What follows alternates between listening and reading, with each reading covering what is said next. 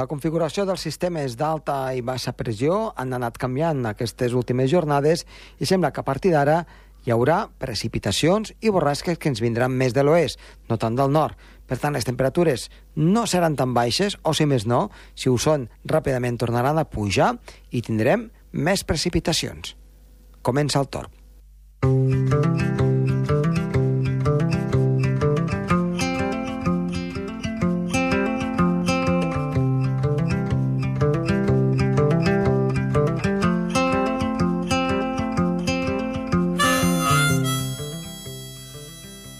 Avui parlarem, en aquest cas, amb Gerard Tauler, sobre les últimes precipitacions que hi ha hagut, en aquest cas, a la zona del Pirineu Oriental, també a tota l'àrea de Girona, on hi ha hagut molts litres per metre quadrat amb inundacions. I després, atenció, anirem a parlar dels boscos primaris que hi ha a Europa i arreu del món, uns boscos en què, en cap cas, la intervenció humana hi ha tingut lloc. Som-hi!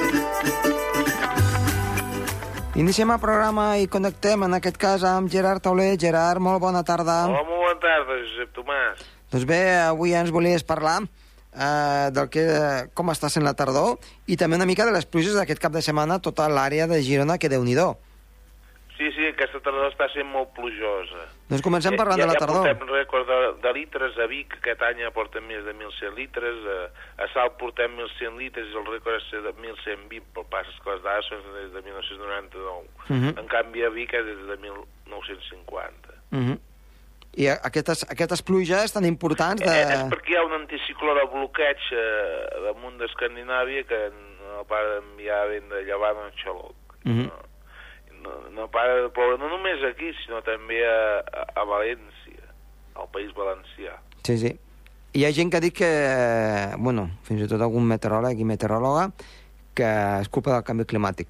Què és, No, què això del de canvi dir? climàtic és una, una cosa que sempre és recurrent, però Ja. sí, sempre hi ha hagut eh, tardors plujoses i tardors seques, vull dir, això no és pas pel canvi climàtic. Val, doncs ens deixes Eh, més, és més típic de tranquil. la irregularitat del clima mediterrani. Uh -huh. Per tant, el clima mediterrani a vegades eh, ens morim de set i a vegades doncs, ens ofeguem amb l'aigua, no? Sí, morint de fred, morint de calor, sí, sí, sí. És Un clima entretingut. Sí, molts extrems, perquè... sí perquè... molts extrems, sí. Sí, Mhm. sí, sí, sí.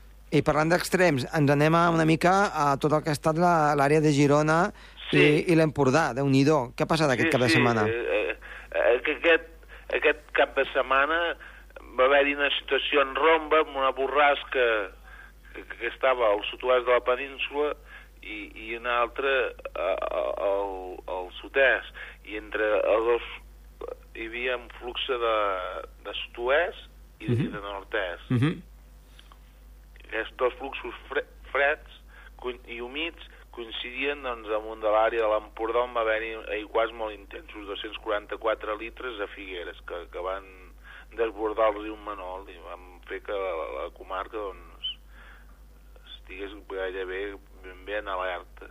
Per sort no va haver-hi cap víctima mortal, però va haver-hi força destrosses, sí. Uh -huh. Per tant, anem, eh, diguem-ne, eh, estem dintre d'aquesta dinàmica que havíem encetat de, de tardor molt plujosa, que Sí, tu ara sí, ens has sí, explicat sí. una mica, no? Sí, sí, sí. Doncs bé, a veurem què és el que acaba passant eh, al llarg del que resta de setmana, però Sí. de moment doncs, a, a disfrutar doncs, d'aquest temps extrem que, sí, també, a, a gaudir, a gaudir. que també ens agrada molt. Moltes sí, gràcies. Sí, sí. Els pantans almenys estan plens i, i les reserves d'aigua estan ben assegurades. Podem estar ben contents. Exacte. Moltes Molt gràcies, bé. Gerard. Vinga, Adéu-siau. adéu, bona Adéu, tarda. adéu.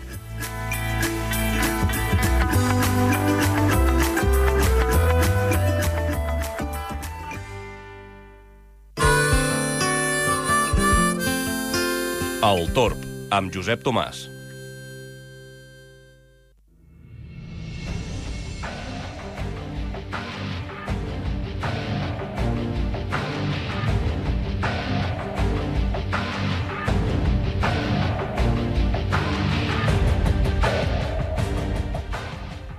Continuem amb el programa i ara parlarem amb Sergi Càrteles. Sergi, molt bona tarda. Hola, bona tarda. Doncs uh, aquesta setmana ens portes un tema que crec que és molt interessant i que ens afecta a tots, que són els boscos en general de tot el continent europeu. Doncs sí, avui parlarem una mica dels boscos del continent europeu i sobretot d'un tipus de bosc que ara mateix es veu ja molt poc, i són els boscos primaris anem a parlar una mica del que són aquests boscos primaris, i és que aquests boscos, que se'ls anomenen així, és perquè són uns boscos on mai han estat influïts per l'acció de l'home. Eh, ens pot semblar bastant sorprenent sí. que encara mm. existeixin mm. alguns boscos que no hagin estat mai trepitjats o almenys eh, influenciats per, per l'home. Però sí que és veritat que si busquem bastant doncs per al, eh, indaguem bastant eh, sobre aquests boscos, podem trobar que estan bastant distribuïts per tota Europa.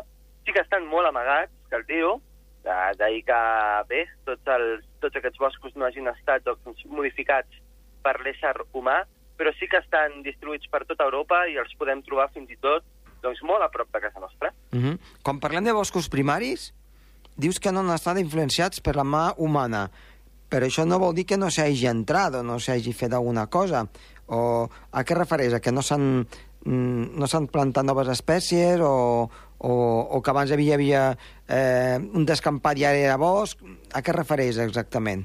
Doncs clar, eh, quan diem bosc primari és que no ha estat influenciat per la mà de l'home, evidentment, l'ésser humà ja, jo crec que ja coneix quasi, quasi tota Europa, uh mhm. -huh. en tota la seva magnitud, però són excursionistes i investigadors que arriben a un lloc i no modifiquen l'ecosistema d'aquell lloc.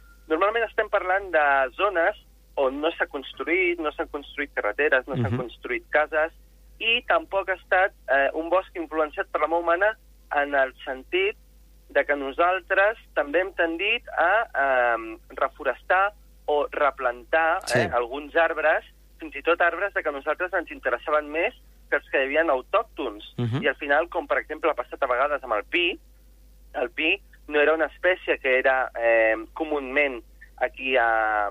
Bé, per aquestes zones el pi no era un arbre autòcton, però nosaltres el vam plantar i el ser un arbre que era més resistent que, doncs, per exemple, l'alzina sí. o el roure, doncs clar, això el que va fer és que el pi estava a gust aquí, el vam introduir i es va començar a reproduir i es va començar a extendre doncs, per tota la península ibèrica, per Andorra, fins i tot per França, Llavors això és com una reintroducció feta per l'ésser humà. Ja. Per això també podem considerar que tots aquests boscos doncs, han estat modificats per l'ésser humà, uh mhm. -huh. no ha estat per la natura en si. Així que quan parlem de boscos primaris parlem de boscos que porten així desenes de milers d'anys, fins i tot centenes de milers d'anys, que no han estat modificats i que el seu ecosistema segueix estant igual que estava en aquell moment. Uh mhm. -huh. Déu-n'hi-do. Sí, ara bé, comentarem no, que, com dèiem, a Europa estan bastant distribuïts, però sobretot hi ha zones on es pot veure que hi ha una quantitat molt més elevada d'aquests boscos primaris, entre ells Finlàndia. La part de, a la part del nord, de l'extrem nord de Finlàndia, doncs podem veure que hi ha molts boscos que són primaris, també estem parlant, clar, de zones on fa molt de fred, i llavors aquestes, aquests boscos doncs, eh, estan molt poc modificats o gens modificats, ja que també hi ha molt poques persones vivint allà, per, el, bueno, per sentit climàtic. Uh mhm. -huh. Després hi ha altres zones que també és bastant curiós, però, eh, per exemple, a grans serralades europees, com per exemple els Alps, sí? eh, segueixen tenint alguns boscos primaris. Sobretot estem parlant de, bé, eh, boscos que s'anomenarien coníferes alpines, uh -huh. que bé, són aquests arbres de grans altures, de 2.000, 2.500 metres, són arbres que són especialitzats en temperatures baixes, i llavors, eh, bé, doncs, això es nota a l'hora de, de fer aquest mapa. Són zones on hi ha molt de fred, i, i per exemple, també un altre lloc, els Càrpats. A la zona dels Càrpats és curiós que és a la zona europea on hi ha més boscos primaris, uh -huh. en mhm. els Càrpats. Clar, també eh, és una mica també entendible que normalment nosaltres, quan parlem dels Alps, eh, ja ens ven al cap automàticament pistes d'esquí, molta neu, molt de turisme, perquè els Alps estan molt visitats. En canvi, els Càrpats, eh, que té una morfologia bastant semblant als Alps, no és tan coneguda, eh, almenys per al turisme europeu, i llavors doncs, això també ha influenciat que no hi hagi tantes pistes d'esquí i ni tampoc es faci tant de turisme, que al, al final hem de tenir en compte que el turisme és un factor molt important avui en dia a l'hora de, de modificar no només el bosc, sinó també tot el ecosistema general del, del planeta. Després, um, no només a Europa hi ha boscos primaris, sinó també arreu del món, i anem a dir tres jocs, i un d'ells segurament us sonarà a tots, que és a l'Amazònia. L'Amazònia, eh, encara que nosaltres estiguem dient, i és veritat, que està havent una desforestació a l'Amazònia per, bé, per tota la producció que s'està fent, etc. sí que és veritat que encara segueix sent el pulmó del nostre planeta i encara hi ha molts boscos que no han estat mai modificats per l'ésser humà i l'ecosistema és el que hi ha.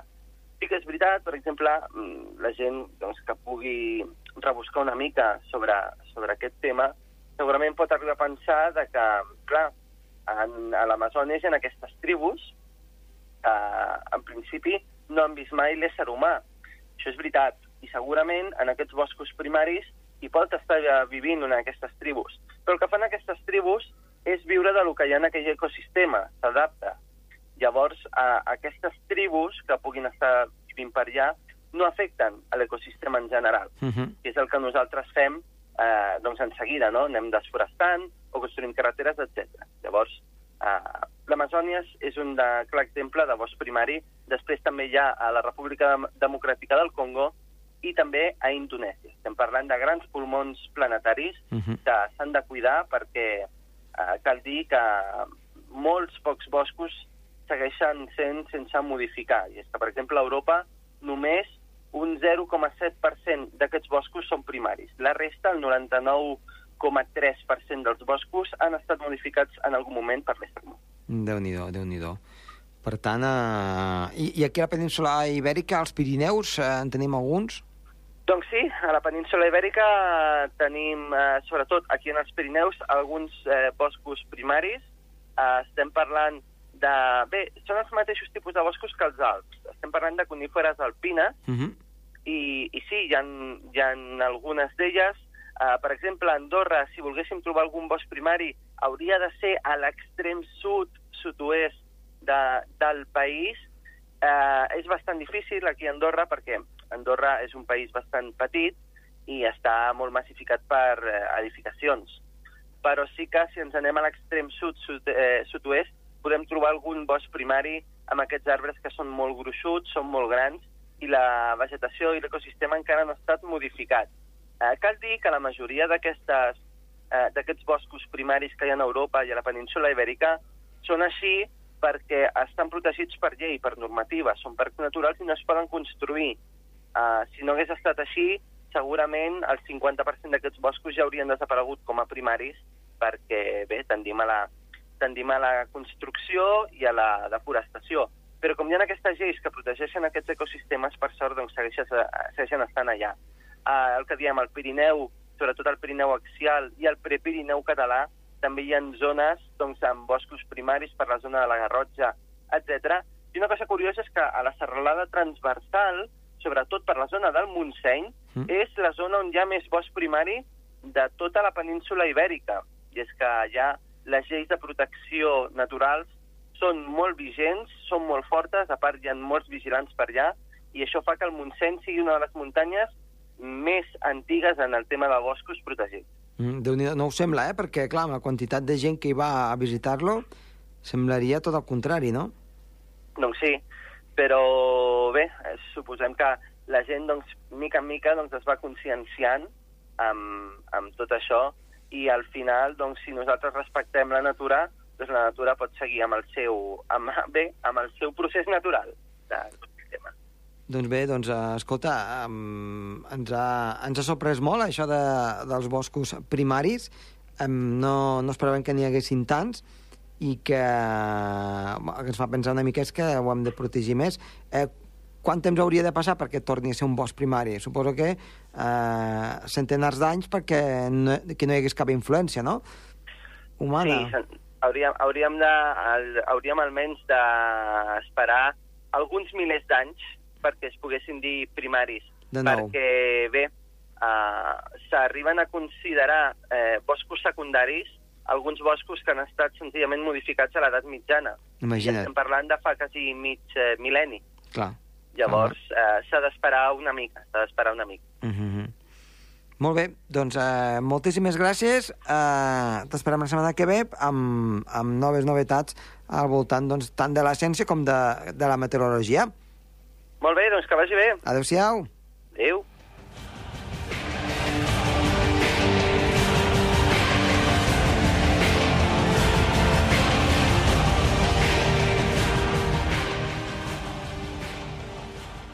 El Torb, amb Josep Tomàs.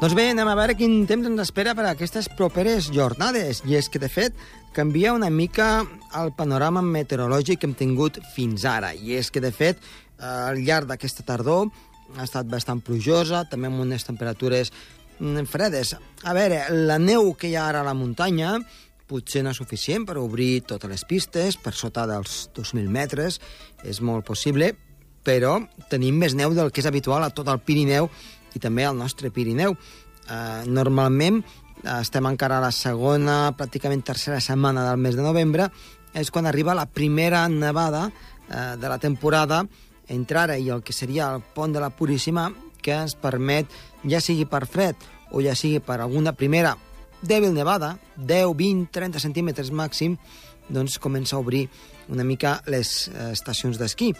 Per tant, amb la situació que tenim ara, amb la davallada de temperatures que anirà fent al llarg d'aquestes properes setmanes per ordre natural, per tant, perquè doncs, eh, ens anem acostant cap a l'hivern, la situació és prou bona. Per tant, no hauríem de patir en aquest aspecte. Evidentment, eh, no podem eh, a principis de, de desembre tenir quantitats de neu com les que tenim, per exemple, a finals de març, perquè estem doncs, tot just a l'inici de la temporada d'hivern aquí al Pirineu. No som els Alps, i també els Alps no pensem que tinguin massa neu. Eh, la situació a les zones eh, per sota dels 2.000 metres doncs, també mm, són prou, amb prou poca neu en aquests moments. Però eh, aquí sí doncs, que la situació, eh, diguem-ne, ara mateix és prou bona per l'època a la qual ens trobem. I quina ha de ser doncs, la, la predicció? Al llarg d'avui divendres, eh, de demà divendres, volíem dir, eh, arriba un front que fins a primera de la tarda ha d'anar donant alguna precipitació. Cota de neu, 1.600 metres. Neu que es pot acumular entre els 5 a 20 centímetres de neu aproximadament. Quan més cap al sud podrà nevar una mica més i també en aquelles muntanyes més orientades cap al sud. Per exemple, en aquest cas, les estacions de Pal, d'Ordino Arcalis, encara que no ens ho sembli, té una afectació amb el vents de component sud que recull força neu eh, i també quan, quan bufa de component nord, per tant, tot li afecta una mica en, en aquella àrea però sí que és, és de ben segur que poc o molt s'anirà recollint, no per fer prou gruix, però sí per anar sumant centímetres i també refredarà una mica. Això vol dir que les temperatures al llarg de demà, les màximes, seran una mica més baixes. I si ens anem al cap de setmana, un matí de dissabte, que ha de ser en general força fred, i per tal, en el qual eh, les temperatures mínimes seran totes elles negatives a l'alta muntanya. Si volem sortir a la muntanya serà un bon moment. Eh, atenció amb aquesta neu que ha caigut eh, última, la que haurà caigut doncs, al llarg de divendres, i amb les temperatures baixes. Per tant, ja abrigar-nos com si fos ple hivern i tenir doncs, roba suficient en aquest aspecte. El sol serà protagonista, també amb algun que altre núvol que anirà augmentant a mesura doncs, que vagin passant les hores, però sense precipitacions. I és que, de fet, al llarg de diumenge arribarà un nou sistema frontal. Per tant, dissabte a la tarda, un augment dels núvols de tipus alt, i diumenge, la nuvolositat ja al matí serà més compacta i cap a mig matí, migdia, pot caure alguna molt dèbil precipitació. La cota de neu seria una mica més baixa, 1.300, 1.400 metres, però molt poca cosa. De fet, no s'espera que, doncs, que tingui massa energia, però sí que deixarà el dia una mica doncs, més fred, més, més a, en general a l'alta muntanya, amb menys visibilitat que no pas dissabte. I anunciem que per la setmana que ve hi ha d'haver el pas de diferents sistemes frontals que fan ballar una mica al cap. I direm per què. Són sistemes frontals que venen de l'oest. Per tant, els sistemes frontals que venen de l'oest, les borrasques de l'oest, primer porten aire càlid i darrere seu aire fred. I depèn en quina sigui la seva latitud, ja directament aquest aire càlid no ens afecta.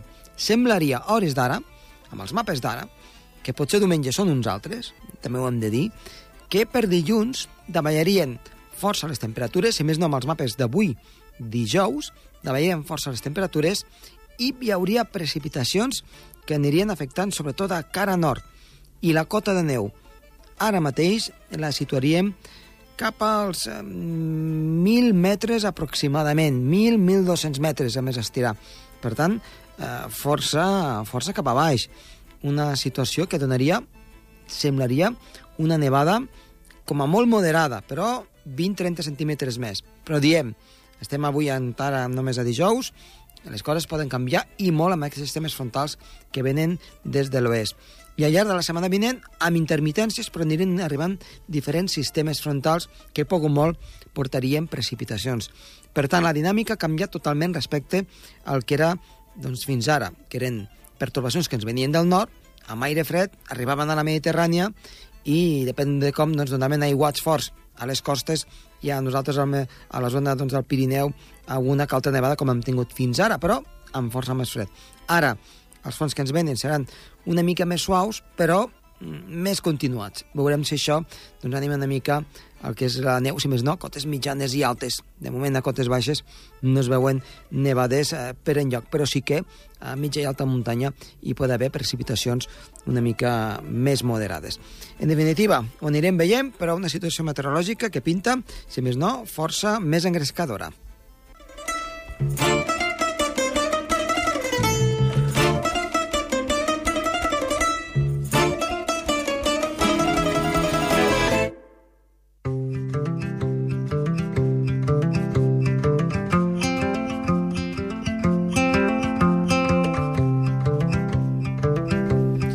Bé, deixem aquí el programa, esperem que els hagi agradat. Està de les vis de so, Toni Escur, i qui us ha parlat de molt de gust, Josep Tomàs. Adéu-siau.